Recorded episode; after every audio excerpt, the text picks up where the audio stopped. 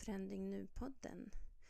Den här podden har jag för att ge kvinnor en röst att få ut sina berättelser om våld i nära relationer. Och jag tar också upp fakta om våld i nära relation. Det här är en julkalender som jag i år har startat. Julkalender för år 2021. Och där gör jag ett avsnitt varje dag fram till jul. Utöver de vanliga avsnitten såklart. Och vad hittar vi under lucka tre då? Dam, dam, dam, dam. Lovebombing. Det är begreppet som är bakom lucka tre. Ja, men då så. Då vet jag vad jag ska prata om och så kör vi väl igång på en gång då. Let's go! Många av de ord och begrepp som används inom narcissister, psykopater och våld i nära relationer så är de oftast på engelska. Och I det här avsnittet så ska jag prata om lovebombing. I förhållande med narcissister speciellt så brukar man kalla den första fasen i relationen för kärleksbombning, det vill säga lovebombing. Även fast förhållanden med bland annat narcissister och psykopater slutar illa så ser ju inte början av relationen ut så. Det framtida offret upphöjs till skyarna av förövaren. Förövaren överöser henne med komplimanger, dock ofta på bekostnad av sina tidigare partners. Till exempel, ja, min, förra, min förra relation, hon gjorde inte så här och du är så fantastisk, eh, mitt ex kunde inte ens göra si eller så. Och löften ges om en rosenröd framtid, stora planer. Offret får blommor, presenter, stup i kvarten. Det vill säga en typ av relation som alla drömmer om att ha.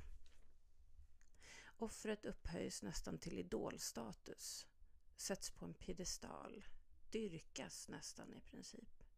Tidigare relationer och partners framstår som mjäkiga och tråkiga i jämförelse med den här charmiga och underbara personen. Han verkar ha samma intressen som du, samma musiksmak, liknande smak gällande filmer och så vidare. Han spelar rollen så bra att han framstår som ens själsfrände. Kärleksbombning är en form av misshandel, ett första steg i cykeln som satts igång.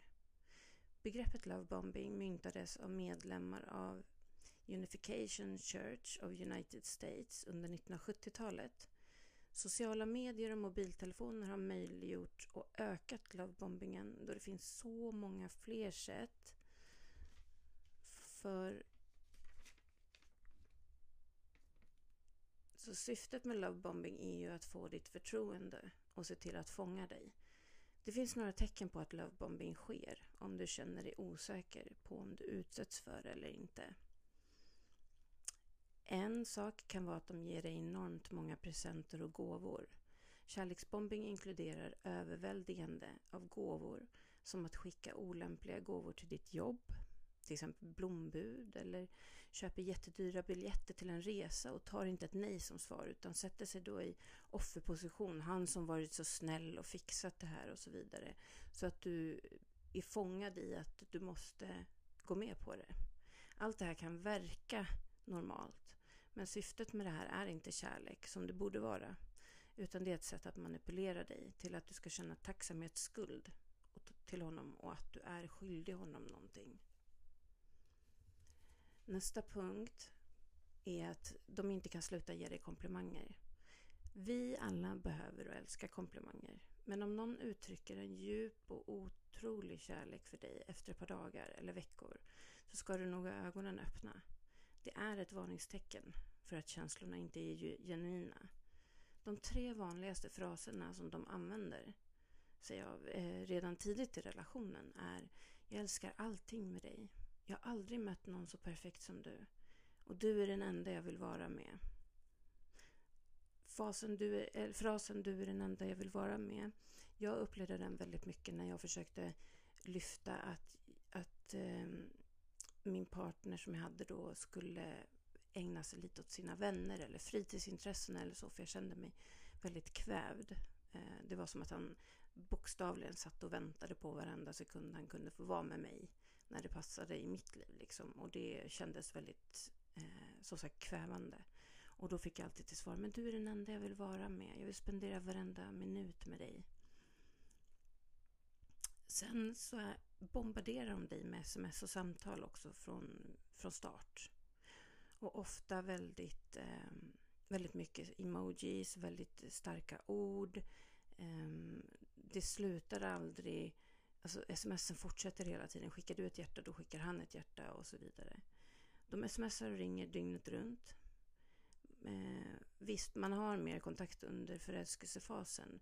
Men när det går till överstyr så är det ett varningstecken.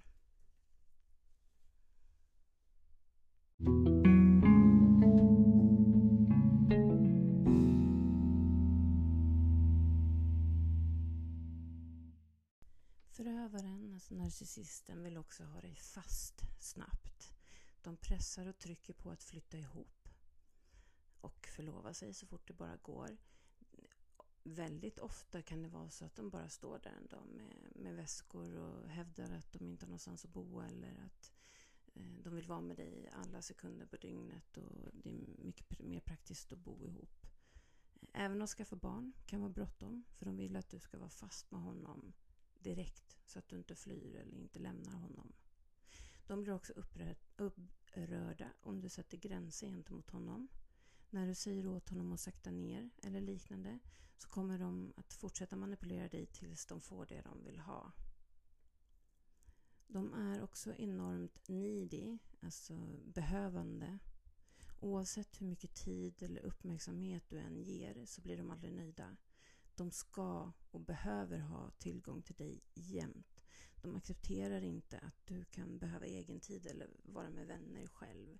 Utan du ska alltid svara på sms direkt eller telefonsamtal. De vill gärna ha eh, funktionen eh, så att de kan se när du har läst smsen också. Och där blir det en fälla i sig. För ser de att du har läst smset och inte svar, besvarat det så kan det bli en stor konflikt senare. Och allt det här är ju inte sunt. Du kan känna dig överväldigad av deras intensitet. Du känner dig i obalans. Och när det gäller alla de här bitarna så kan det vara svårt att, att på den här balansgången veta vad som är normalt eller sunt jämfört med vad som är um, um, alltså ett lovebombing och ett tecken på att det kommer bli negativt uh, i senare delen av relationen. Uh, det är under den här del, delen av relationen som det är lättast att lämna för ju längre du kommer efter det här så kommer normaliseringsprocessen komma igång och mm Eh, du kommer att ursäkta och bortförklara och försöka ändra på dig, vända ut och in på dig själv för att eh, minska eh, arga reaktioner från honom eller liknande. Så att det under den här fasen av lovebombing som ofta pågår de första månaderna i en relation som du har lättast för att lämna. Följ alltid din magkänsla. Säger den att någonting inte är som det borde vara, så lyssna på din instinkt och intuition. Ehm, de här avsnitten för julkalendern är ju kortare just för att det är enbart ett begrepp eller två som, som jag eh, pratar om. Lovebombing är extremt vanligt. Det är otroligt härligt att vara i en relation där lovebombing sker på många sätt. Men ofta, om man verkligen stannar upp, så är det otroligt många som får känslan av att de känner sig kvävda, de känner sig pressade, att det är för mycket. Och ofta då intalar man sig, men herregud, ska jag, ska jag göra slut eller sluta träffa någon för att jag tycker att han ger för mycket kärlek? Men det är inte kärlek, det är ju saker som är i hans plan att få dig fast. Så att får du de där känslorna av att det är något som inte stämmer, det känns inte helt okej, okay, jag känner mig kvävd eller jag känner mig liksom han är efterhängsen. Så lyssna på det. Lyssna till den intuitionen och var försiktig så att du inte verkligen blir fast och hamnar i en relation där du utsätts för våld från den här personen. Det här var lucka tre i årets julkalender. Imorgon får vi se vad som döljs bakom lucka 4. Vill ni ha kontakt med mig så går det bra via Instagram, poddens Instagramsida eller till mejladressen podd, podd, understreck forandring nu, outlook.com.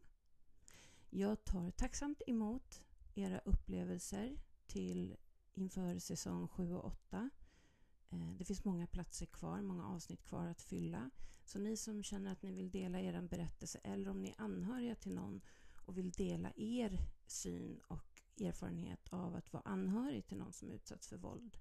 Så hör av er till mig så ser vi till att, eh, att få till det. Men ha det bra tills nästa avsnitt och må väl. Hej!